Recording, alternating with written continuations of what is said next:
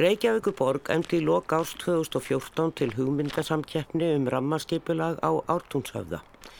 En ætluninn er að stækka bryggjukverfið og endur skoða skipulagsvæðisins á ártúnshöfða þannig að það getur þróast og öðlast nýtt hlutverk sem blöndu byggð, búsetu og atvinnu. Svæðið er eitt af likil uppbyggingasvæðum í borginni og gegnir mikilvægu hlutverki gagart í markmiði aðalskipulagsins að þjætta byggð í borginni. Meðal annars þykir af þeim sökum tímabært að hefja vinnu við endur þróun þess en fyrir sjáanlegt er að verkefni í heilsinni er langtímaverkefni. Megin markmið samkeppninar var meðal annars að leita vistvætna skipulagslusna fyrir svæðið sem er líkil þróunarsvæði aðal skipulagi Reykjavíkur frá 2010 til 2030 koma með framsaknar hugmyndir um fyrirkominlag nýrar blandarar byggðar þar sem lögðir áhersla á heilstaðar götumyndir og borgað miðað gatnakerfi. Stöðlaði góðu samspili fjölbreyttra almenningsrýma, bygginga og nærum körfis. Nýta þær byggingar sem fyrir eru í nýju og eða breyttu samhengi, eftir því sem kostur er og við á. Og að virðing væri borin fyrir umhverfi og auðlindum og nærlingjandi náttúrusvæðum. Arkitektastofan Arkís vann síðan þessa samkeppni árið 2015. Ártúnshöfðin er spennandi þróunarsvæði og annars árs nefnendur og kennarar í arkitektur við listaháskólan hófu vinnustofuverkefni síðastliðið haust með nokkur svæði á höfðanum í huga.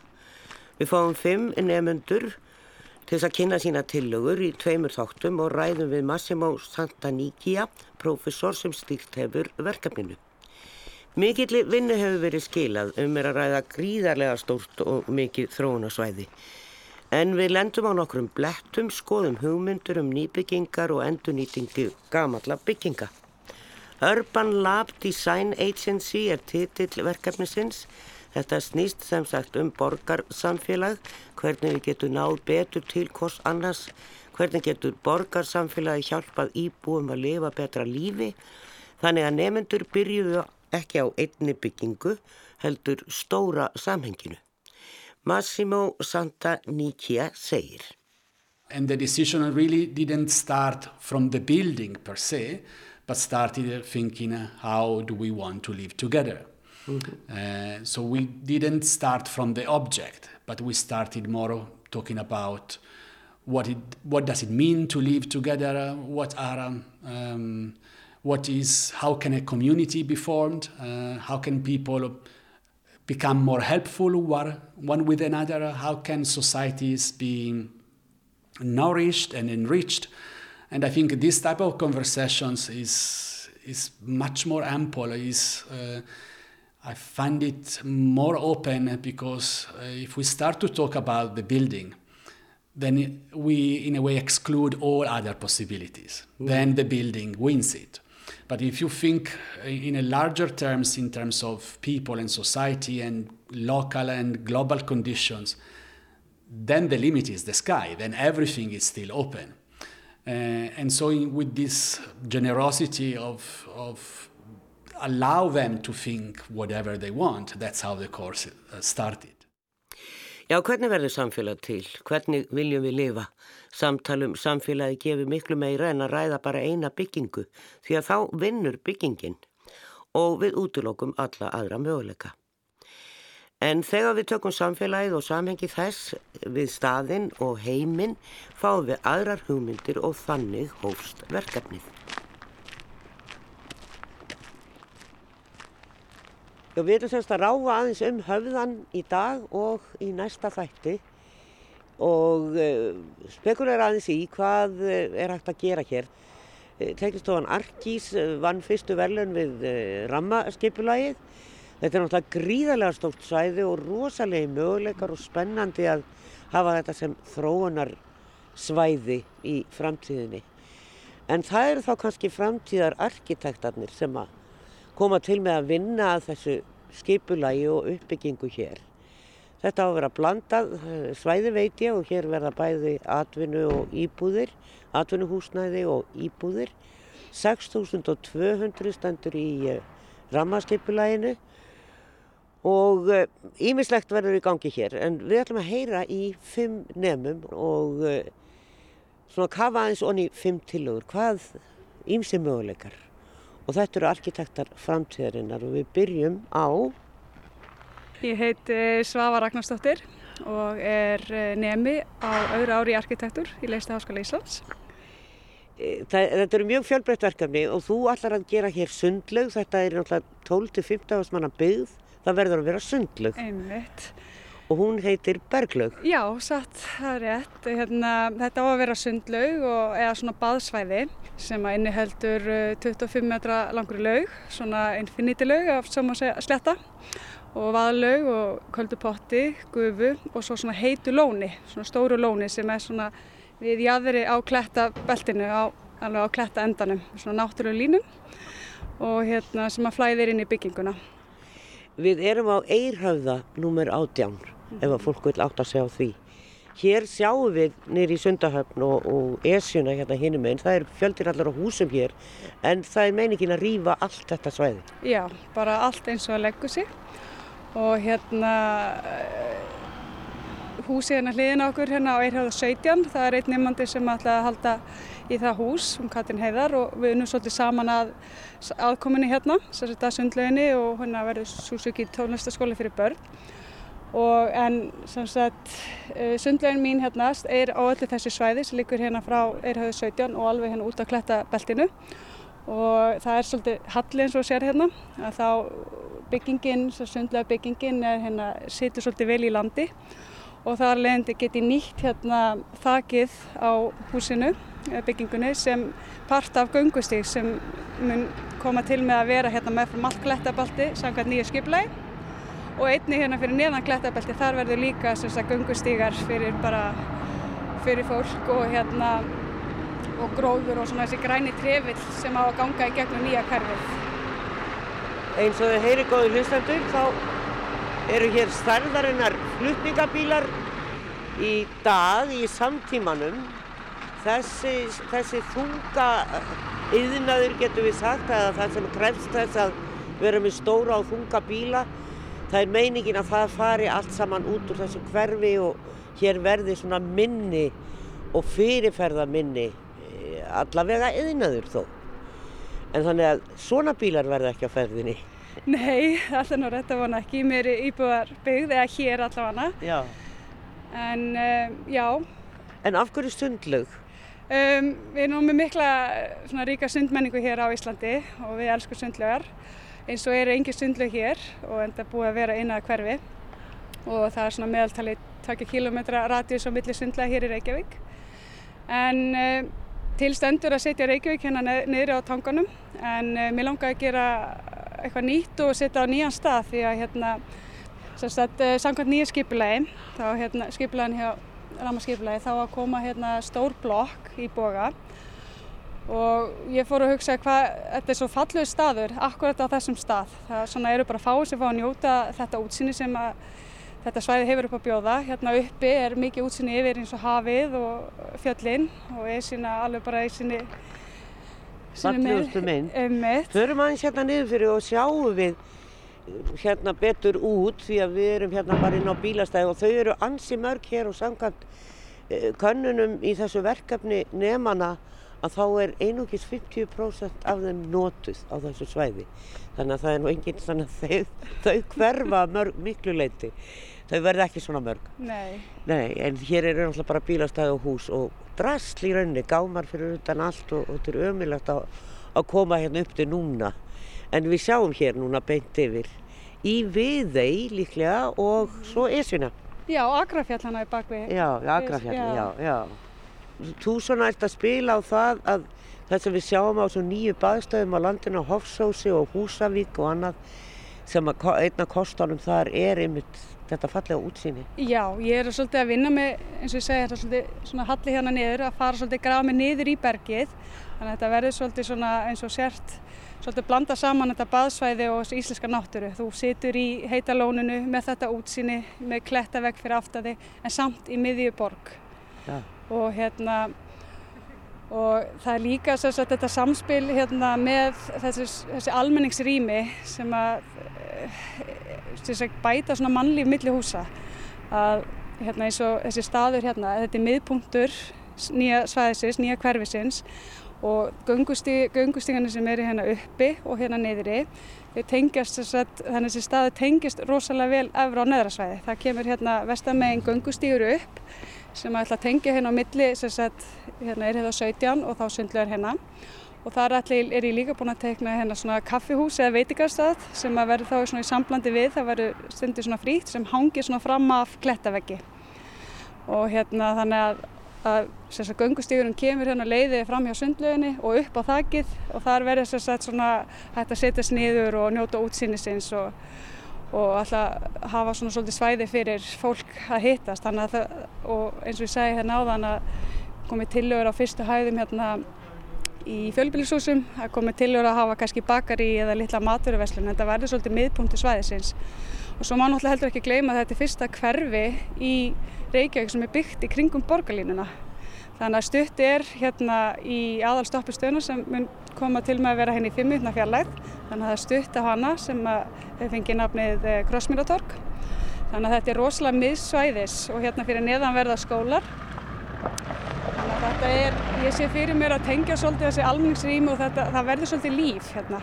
Þannig að það er bæði fólk kemur hérna og lappar gengum með hundinn eða í göngutúr og það á sér leið og kemur upp á byggingun og getur staldra þar við og sest og þannig að þetta er algjörlega ótengt í rauninni þessi sagt, þakið og, og basvæðið. Þetta er hún eh, Svafa sem er að segja okkur frá Berglaug sem er hennar hugmynd hér upp á Ártúnshauða. Þetta er nú nokkuð langt í þetta. Já, spennandi hugmynd hjá Söfu Ragnarsdóttur nema í arkitektúr um nýja sundlaug á Ártúnshauða. En hverjir eru styrkleikar hennar hugmyndar samkvæmt professor Massimo? First, there was actually a swimming pool uh, planned in the original uh, Ramaskipulag. Uh, mm-hmm. it was by the coastline, but Zvava, um, and I agree with Zvava, and uh, by the way, these are always collective projects, so uh, we have always been really part of, of each project. We have really worked uh, collaboratively. So there was a consensus to, to think of this swimming pool to be really not just at the margin of the community, but really at the center of the community in a, at a walking distance from the Borgarlina station. And then to imagine this, uh, this swimming pool with, of course, with all the beauty and the tradition, uh, traditional social uh, place that swimming pool have in Iceland. Það er gert ráð fyrir sundlaug niður yfir vógin í rammaskipulæginu en svafa færir hana upp á klettin. Samvinna allra var mikil í öllum verkefnunum og svafa færir hana í kjarnabyðarinnar og í göngufæri við borgarlínu. This is my take on, on, on Svava's uh, uh, design. Svava was also generous enough to, uh, in a way, challenge the notion of what's, who is in and out of the pool.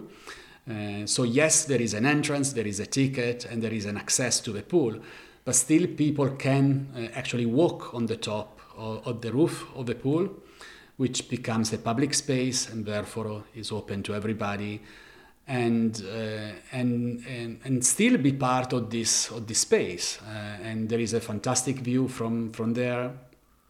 And so she, to me, she blurs the boundaries of inside and outside or what's strictly more private or more public. And I think this is uh, this is a, an asset, a quality of the project because she fulfills another requirement. Mér finnst Svafa hafa verið gjafmild á ferðalega fólks um laugina. Það eru ekki skýra línur á milli þess sem er inni og þess sem er úti, segir Massimo. Fólk getur gengið upp á þaki og notið útsýnis án þess að fara í laugina. Greinamunur á inni og úti þurkast út. Þetta er eitt af styrkleikum verkefnisins. With all the students we have reflected on two concepts actually, the concept of cosmopolitanism and the concept of citizenship. Cosmopolitanism means that we, we believe that we live today in a world that is highly connected and we are aware that even if we operate within the specificity of a place, Reykjavik, of the nevertheless, uh, building materials can come literally from all over the world, and also the waste that is produced by constructions ends up all over the world, even in the Pitcairns Islands in the South Pacific, which is, where they have 39 million pieces of plastic that comes from all over the world. So cosmopolitanism for us means what is really the responsibilities that we put there as architects. And citizenship is more about uh, educating people who are, in a way, politically involved in the decisions in our communities. And so we have worked with developing a language uh, that allows students to, to be participants, but also initiate dialogues with their community.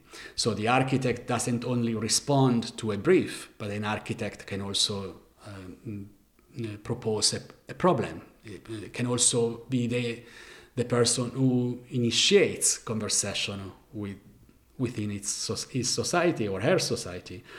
And so we, we, we talk about the dissident intellectual that is, is, a, is a figure that is, that is really part of the conversation. Allir nefndur tóku þátt í að ræða hinn opna heim samtímans, þar sem allir eru tengtir. Þá getur byggingarefni komið hvaðan æfa að og úrgangur af niðurrifi er á okkar ábyrð. Það er arkitektsins og framkvæmdaraðila og kannski íbúa líka. Sem íbúi hvetjum við til þáttöku í pólitískum samræðum en arkitekten getur bæði verið sá sem gefur og sá sem hvetur til andofs. So to me, all these projects uh, um, somehow translates this concept that are quite difficult in a way. What what cosmopolitanism or citizenship has do with architecture, but they have somehow transformed this concept in, into in, in different ways. And and Zvava worked with the notion of a public space and more private. She challenged the boundaries, and I think she produced a wonderful artifact. Já, hvað hefur arkitektúr með alþjóðavæðing og búsett að gera? Um það er deilt en eh, með því að þurka út mörg enga og almenningsrýmis finnst mér söfu hafa tekist vel upp. Það úir og grúir af alls konar byggingum á ártónsöfða, allavega þjónustægi bóði, húsgagnasmíði, allavega trésmíði, hjálpsmíði, lásasmíði og hvað veit ég. Bílaverstæði, ímiskonar sérveslanir og inn á milli eru nýlegar skrifstofubyggingar sem gera maður áð fyrir að verði áfram í hverfinu. Allur þessi hreinlegi yðnaður getur alveg lifa með nýjum íbúum á staðnum og jafnvel búið með þeim. Það er ótrúlega mikill sparnaði fólkin í því að búa nálagt vinnu og auðvitað eiga allar nöðsynlegar til dæmis maturuverslanir eftir að bætast við. Við erum allavega koma með sundlaug í hverfið. En hvað á að gera við gamla steipistöð? Ekki þarf arkitektanemin að hugsa fyrir kostnaði ef breyta á henni í eitthvað annað. Það eru náttúrulega margar ótrúlega byggingar hér á höfðanum sem eru búin að standa hér í fleiri, fleiri ár og einn þeirra er gamla steipistöðin hérna neðst á höfðanum svona bara rétt ofan við elliðafnar og elliðavógin en eh, Það er ennþá steipistöð hérna, hún er tiltölulega ný og mjög nett en það eru tvær gamlar hérna sem að standa við hliðina og eru löngufarnar úr nótkunn. Og hér er nú aldrei þungaflutningar. Ég held að það sé nú meiningin að þessi steipistöð verður fari bara alfarið þegar byggingaframkvæmdi fari hér í gang. En það er eitthvað, svona dondi, ég veit ekki, maður getur eiginlega ekki notað annað en orðið kúl við þessar gömlu byggingar. Þær, þær eru svo ótrúlegar og uh, það er náttúrulega meiningin bara að rýfa þetta og það er í sjálfsagt ódýrast að rýfa þetta bara en það er hægt að nýta þetta. Þú heitir? Ég heiti Eva Dag Jónsdóttir. Og þú fegst það verkefni eða ert með það verkefni að endur nýta þessa gömlu steipistöð og þetta er svona svolítið multikulti hús sem að þú setur þarna á stað. Já, eð, þegar við hérna fórum á staði að kanna höfðan, við máttum í raun velja okkur svæði og hérna, og ég man, þegar við fórum fyrst á löpumvöndum og við löpum hérna niður hérna göduna við hliðina á og maður horfði á þetta, þetta var bara svona úr svona zombiemynd eða úr svona tölvuleik og þetta var eitthvað svona, maður heitlaðast bara á þessu og ég er náttúrulega bara alls ekki hvað maður segja, svona demografikinn til að hylla staðsunum, bara svona ung týtu kona. Maður fór í alls konar pælingar með hvernig maður gæti nýtt þetta því þetta er alls konar, þú veist, þetta er svo mörg lítil rými sem maður svona á erfitt með að sjá fyrir sér og ég ætla að, þú veist, og flesti sem maður talaði við og maður var að reyna að fá einhver svona hugmyndir bara hérna skemmtikall og ég vildi samt horfa á þetta þannig að, þú veist, ef ég ætla að fara svona alvarlega í það og ef ég ætla að búa til verkefni sem svona best fyrir því að leiða þess að lifa þá þarf maður líka að gera þetta þannig að þetta, þú veist, fólk getur séð okkur, þetta getur alveg verið hagkvæmt en samt skemmtilegt að saman móta. Þannig að það var svona pælingin í að reyna að við getum hatt hérna veitingarstað hérna neð sem, og, og ég endaði með hugmyndum hérna af veitingarstað sem heitir hérna í mínum haug súpustöðin til að kalla á steipustöðina að því þar er sko á teikningunum með skrá og er bara notað sem hérna lager fyrir íblöndunarefni og þá þú veist blöndunarefni í súpu og svo leiðis og geta nota, þú veist, ef við erum í skrifstofur, kannski kaffihúsu tóknum að því, þú veist, maður horfur aðna upp, sko, og yfir bara allt svæðið nýr og sjó yfir fjöllin, þú veist, bara útsýnaðan er, er trublað. Þeir koma hér hver á fætur öðrum, steipubílarnir að sækja steipu. Það sem að er að það eru í rauninni, sko, þetta er náttúrulega mjög ítla farið og þetta er bárjásklætt og þetta eru svona síló mm. eða svona stautar sem að, hvað maður á að kalla, tankar fyrir steipu og, og, og efni í steipuna. Þetta er alltaf orðið mjög illa farið og riðgað en það eru pallar utan á þessum sílóum eða þessum turnum sem hafa verið aðgengilegir þó þessu hlörlegir núna en það er einhvern veginn, svo er eins og ég segi, það er eins og séu litli bárjáskofar utan á húsinu hér og þar á þeim báðum þessum gamlu stöðum. Sem hafa bara svona bæst við og Já. var eins og hérna, það til hérna lengst til hægri þegar maður horfður beint framann á þá hérna, það var bygging sem var bætt einhvern veginn setna og það var að því að bara tölfur kom til sögunar og þeir kauftu sko hérna bara tölfur sem var bara ekki algengt á Íslandi sem var bara jafn stort og eitt herbyggi og hafi kostað meir en tveir stæpibíla minnum að það sagt mér. Þannig að þau hafa bara bætt við og, og svona klest utan á eftir því sem þurfti á að halda mér finnst að vera rúslega mikilvægt í því hvernig ég nálgast þetta verkefni að þetta var ekki beint að frjósita í tímanum sem þetta er núna heldur að, að hérna, eðlilega ástand húsins er einhvern veginn að hafa að vera að þróast. Heldur bara svona að leifa því að þróast áfram án þess endilega að segja, heyrðu við þurfum virkilega að vernda þetta. Og svo líka það sem er svo merkjast, maður horfður á þetta jújú, þetta er riðgað. Og maður sér, þú veist, þetta er náttúrulega rosalega mikið svona járnbitum sem eru riðgan þeir eru allir heilir. Og þau hafa þólað í bara áratögi bara þunga, steipu vinslu og standa það alveg. Þannig að það er ekkert sem segir, heyrðu, þú veist, þetta getur verið áfram fyrir léttari tilgang. Já. En veitingarstæðu neðst, súpustöðin og uh, útsýni, það er alltaf gefur auga leið þegar mm. maður er mhm. komin hann upp. En, en hvað meira? Sko, ég hugsa að þetta væri sem er náttúrulega, og er líka hugsa sem þú veist það sem á að gera sérna og er núna, rýmir sem eru núna á hafðanum er rosalega stór.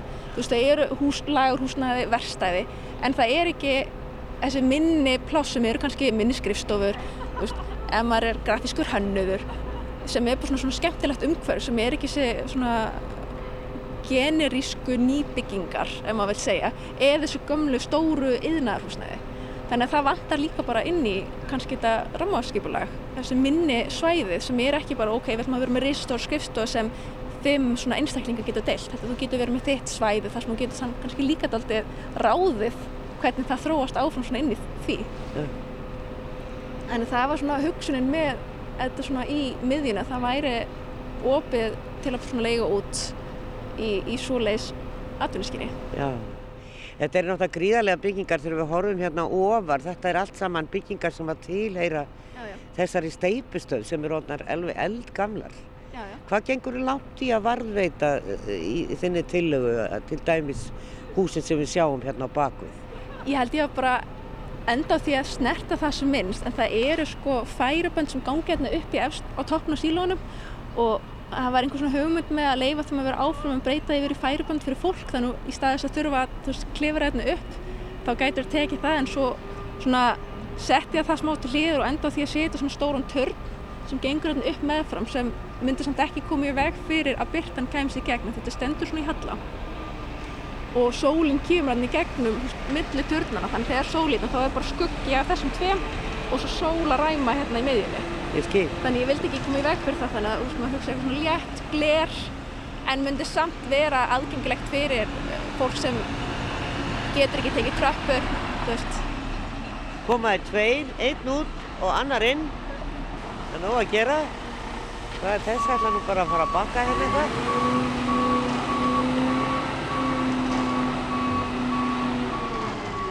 Þannig það er hérna, það var svona kannski svona það sem ég lagði mest í beint við struktúruna.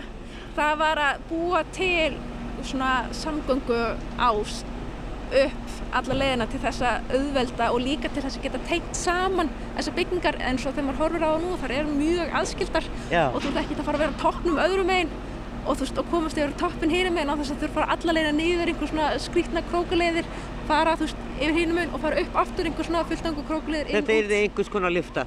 Já, Þarna. og, og törn og, og svo náttúrulega líka bara spurning með eins og sem ég lendi bara í vandrar með lifturými, þú veist, það er ekkert vita hversu mikil steipar hérna, hann sagði að þegar ég fór sjálf og fekk bara leiðsögnum sæðið að þau hafa bara dælt steip í þetta með, með árum og það gæti jafnvel verið margir metrar.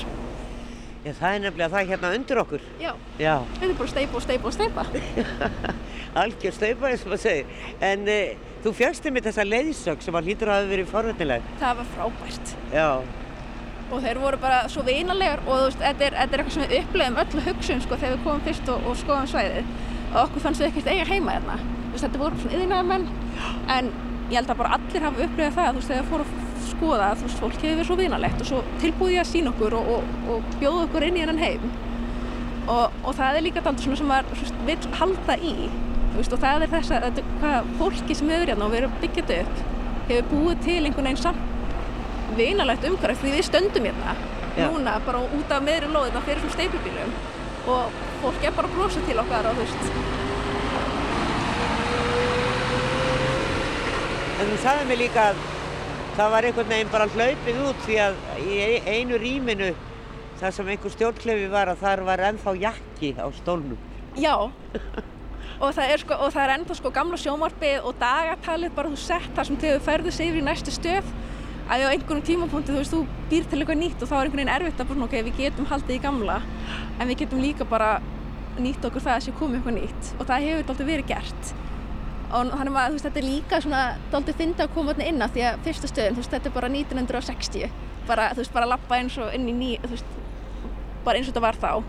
Og sama með, þú veist, Næstu. já, stöð og það var bara jakkin sem sá sem hérna stjórnað það var og þú veist, þau eru með gamlu tölvusettin og svo eru þau með gamlu, þú veist, eins og í fyrstu stöðinni hérna, það eru svona risastórar, hérna, vók, svona andlit og svona bláu málað og, þú veist, og þetta er bara svo töff. Það er eitthvað svona arti við þetta. Við skulum kíkja hérna í lokin aðeins fyrir hotni þar sem við sjáum nýjustu stöðina sem er hér enn. En mér minni nú að einhver frá skipulagi uh, borgarinnar hafi sagt mér að þessi steipustöð ætti að fara út fyrir bæjamörkin Já, og eru þið bara alls ekkert hér. já. Þannig að hún, e, e, sko, ég, það, ég, ég segi, það er hægt að, það er hægt að eh, leika sér endalaust með hvað var hægt að gera hérna. En einhvern veginn þá er þetta útlitið á þessum gömlu hérna tveimur er einhvern veginn þannig að það er dálítið æsandi að eitthvað er gert við þessi hús. Já, það, það, það er aldrei svoleiðis og þetta er líka það sem er svo sorglegt við það að ætla bara svona þetta út er að þú veist að missa þetta samhengi sem þetta svæði hefur sem er þessi yðnaðar saga og að fá einhvern veginn ef þú kæmur hérna og þú veist þessi svæði er byggt upp og fá þessu tengingu við því að þetta er það sem var áður, þetta er það sem byggði þetta upp. Og, og líka þetta bara að þessar steipustöðar hafa bara byggt upp alla Reykjavík og svo bara þegar þú þær eru fyrir þá ætlum við bara að færa þær Já. í þess að leifa þeim að verða hluti af þessu nýja umhverfi. Gæti verið spennandi og það er kannski hugmynd bara með hérna, þetta er svona byggðasafn höfða í þessum gömlu, þessari gömlu steipustöð. Já, það er eiginlega það sem ég finnst svona kannski skemmtilegast þetta að hver og einn hefur hort á þetta og komið með bara svona hvað þetta gæti verið þessi klikkað hlutar af því sem bygginga bjóð upp á það. Það er bjóð upp á svo ógeðslega mikið og hversu mikil aftur bara synd að segja bara nei, við ætlum ekki að leifa að fá að veist, njóta þess að geta orðið þessi klikkaði hlutir.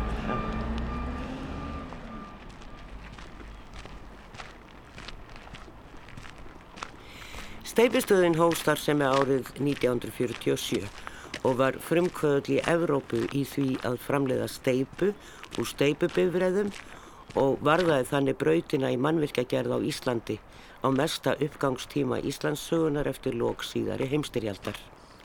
Núverandi félag er byggt á grunni þess félags sem stopnað var 1947. Megin starfsemi steipustöðvarinnar er framleiðsla á blöðsteipu þar sem mikil áhersla er lögð á gæðamál og öll íblöndunar og fylliefni sem notuð er í steinsteipu eru samkap kröfum byggingareglugerðar.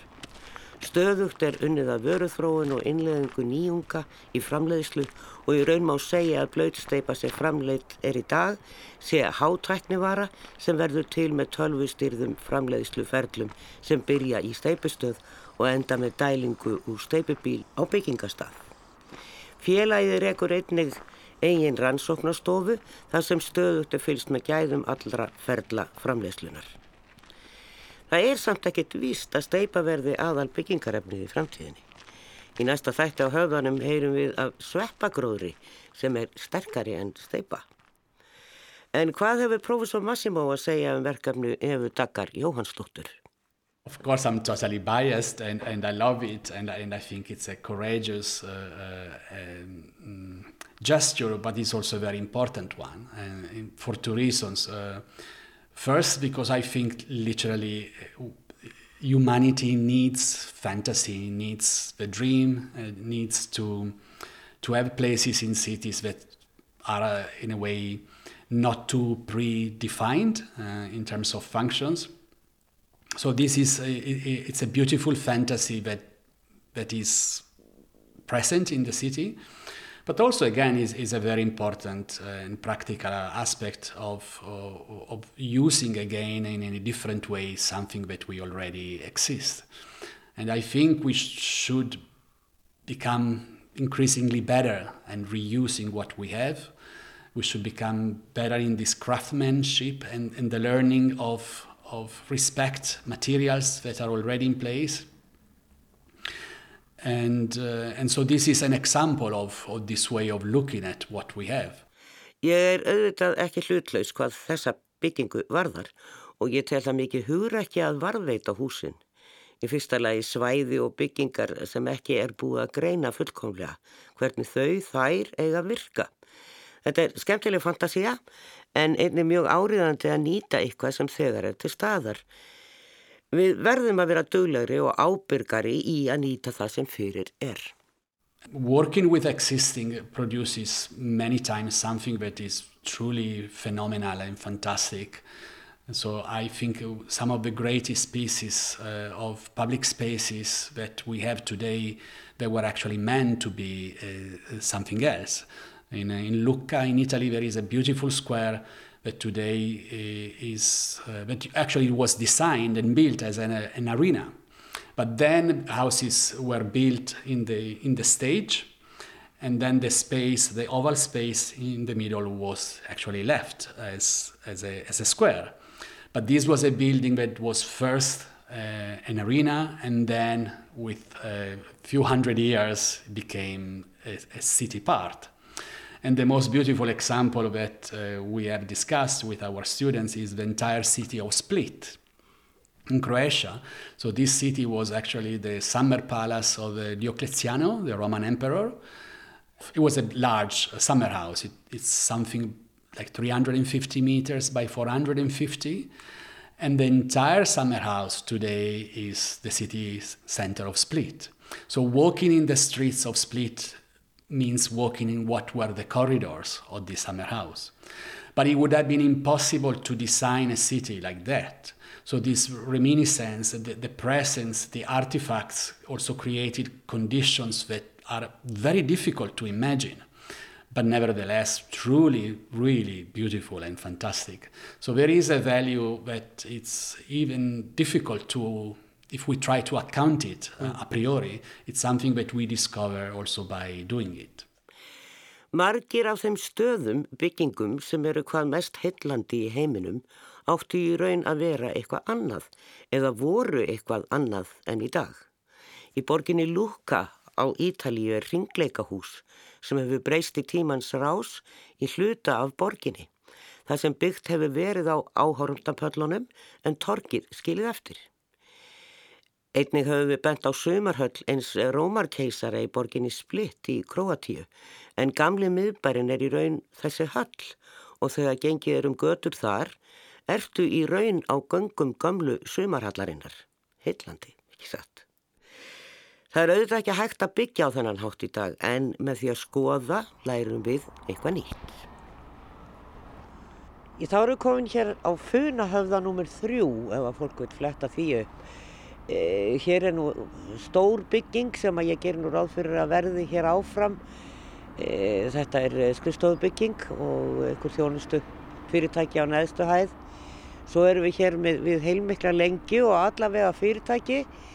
Hér er meðal annars húsgagnafyrirtækið Ágústaf sem við á flakkinu höfum svo sem heimsótt og skoðað þeirra framleiðslu.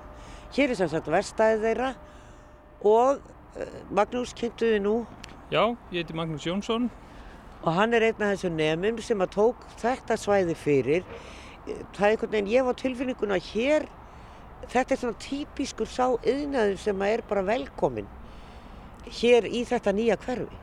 Já, ég lít svo á allavega og verkefni mitt sagt, uh, snýst um að skapa aðstæður þar sem að núverandi starfsumi getur haldið áfram að vera til meðan hverfi þjættist þjættingin sem ég er að hugsa samanstendur fyrst og fremst af íbúðabegð með einhverju aukinni þjónustu þó og þá er svona megin hugmynd verkefni sinns að rannsaka hvernig nýta megi núverandi begð samhliða hinnu nýja þannig að það er stiðji í hver aðra. Þakka teikningunni þá byggir þau eina hæð ofan á þetta hús? Uh, tvær hæðir. Tvær hæðir, já, já. Og þannig að það, þetta er bæði heimili og vinnustöður? Já, ég er raun uh, færi þá uh, starfseminna sem er hérna núna í þessu kjallarahæð upp á þriðjuhæðina og þar fyrir ofan kemur þá íbúðarhúsnæði og nýti þá kjallarahæðina sem er í betni tengingu við götuna hinum einn sem svona meiri hús framhlið, virka framhlið með einhverju kannski búðum og uh, síningarýmum fyrir fyrirtækin og móta þannig svona betri tengingu við göduna. Þú kallar þetta mutualism sem að þýðir hvað? Að ég, ég, þið þurfið að skila verkefnum á ennsku og prófessorinn er, er frá Ítalíu og, og, og það er náttúrulega margir erlendi nemar líka þannig að fyr, kjænslan fyrir alltaf fram á ennsku eða hvað? Já, svona meira og minna. Já. Nefna samtöl við hérna kennarana sem tala íslensku kannski. En já, uh, já mutualism eða samhjálp eins og það heitir á íslensku er sagt, líffræðilegt hugdag sem fjallar um það þegar að tvær líf, lífverur lifa saman og það er báðum til hagspóta og er form af sagt, samlífi eða symbiósis og ég er svona líti á að þetta sé verkefni, sé hugdag sem að geti átt líka við í þessu borgarfræðilega samhengi það sem er svona á arkitektamáli vil kalla örban eða hvað? Já, einmitt. Já. Þetta er, þú tekur hérna bara eitt, þetta hús er númur þrjú. Skoða er eitthvað hvað, í rammaskipuleginu, hvað er gert ráð fyrir hér? Já, sko, í rammaskipuleginu er þetta hverfi að einhverju leiti eru lögð drauga því en það verður svona einhverju leiti afgangst þar sem að það eru svona floknari eigenda eh, aðstæður heldur en í restin af höfða þannig hér eru mjög margir mismunandi eigendur og vildi ég því hugsa verkefni þannig að þetta var eitthvað laust sem að ég útfæri hérna á einum stað en gæti verið útfærið á mismunandi vegu við fleiri hús hérna sem sagt. Nákvæmlega, það er og það er alltaf til vandrað þegar að áfara að byggja og breyta og þróa hverfi að þegar það eru margir eigandur skiljanlega þá vilja allir halda í sitt og, og fá allavega rétta upphæð fyrir sitt. Eða þurfa að færa sig og fá sambarilegan stað í staðinn og allt það. En í rauninni gæti þetta alveg fungerað eins og þú segir í svona einhvers konar samhjálp hér er þið bæði íbúabigð og lettur yðnaður á, á einhverjum hæðanum Já, ég myndi halda það. Hér eru stór bílaplön fyrir framann húsin sem að kannski líka gera það að verkum að það er ekki mikil tenging frá götunum hérna við byggingarnar og það er svona stór og mikilvægur hluti verkefnisins var að tengja svolítið byggðina betur við göturnar. En það þurfum við ekki öll þessi bílastæði, það eru, eins og ég segi, maður getur lagt hvar sem er hér, það eru bíla, eru rosalega mörg bílastæði hér á höfðanum, allt á mörg í rauninu. Já, við rannsókn hjá okkur í verkefninu fyrir haust, sem sagt, á, á síðast ári, þá sáum við að hér er alveg gríðalegt magna bílastæðum sem að, svo sem kannski flestir gerði sér grein fyrir en það sem við tókum eftir við aðalega bara með því að rannsaka loftmyndir á svæðinu að það var ekki rosalega mikil nýting á þeim svona miða við hvað þetta er rosalega mikið plássum fyrir í þetta og, og svo er þetta nú í mörgum tilfellum kannski ekki svona beint bílastæði heldur svona frekar geimslur sem tengjast á reyndar kannski einaðnum sem er þar fyrir en, Já. en mætti alveg leysa öðruvísi. Þarna heyrðum við Magnúsi Jónssoni nema á öðru ári arkitektúr við Listaháskólan. Já, bílastæðin þau eru ærið mörg á höfða.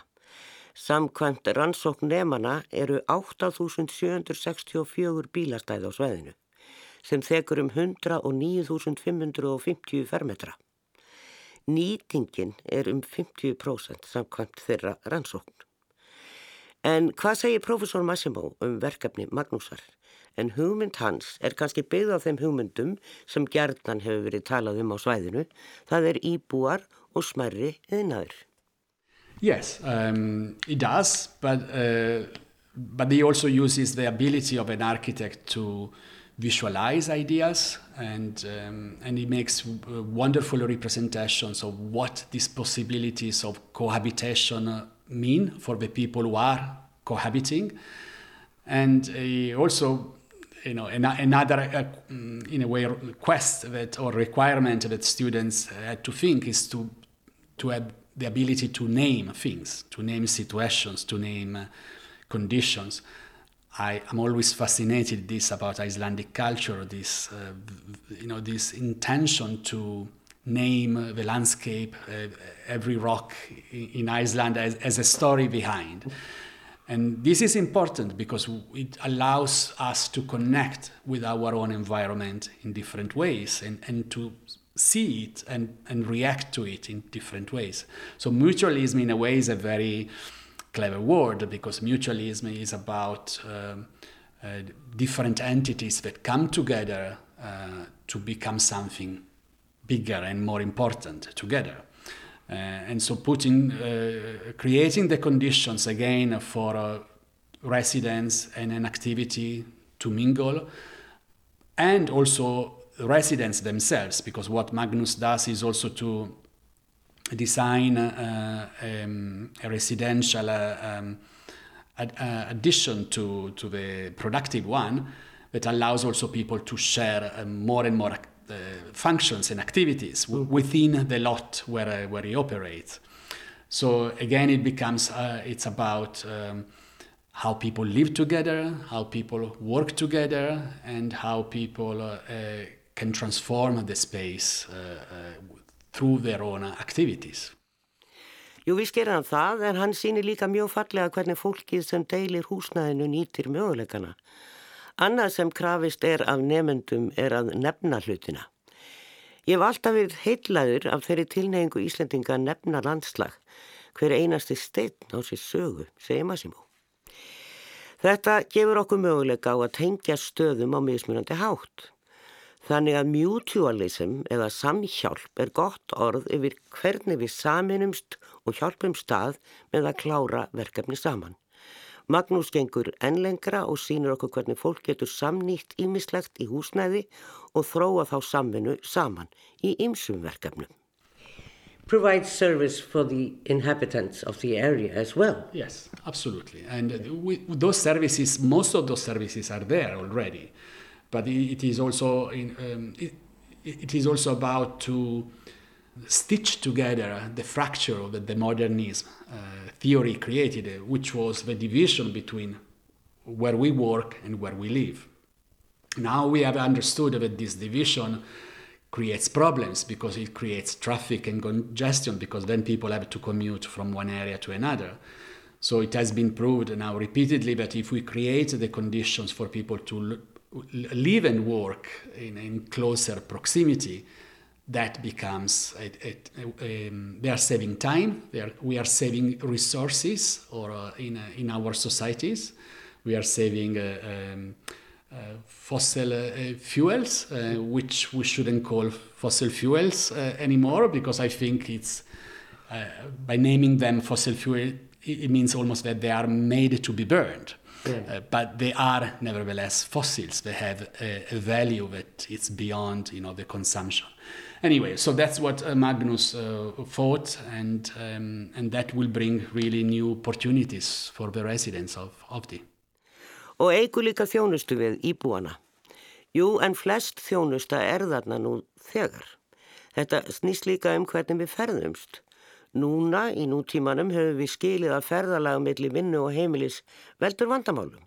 Við brennum á mikillir ólíu. Það er marg sannað að stitta þessa leið að búa nálagt vinnu sparar bæði tíma og orgu. Með hugmyndum Magnúsar sínir hann að þetta eru möguleikar fyrir íbúa höfða.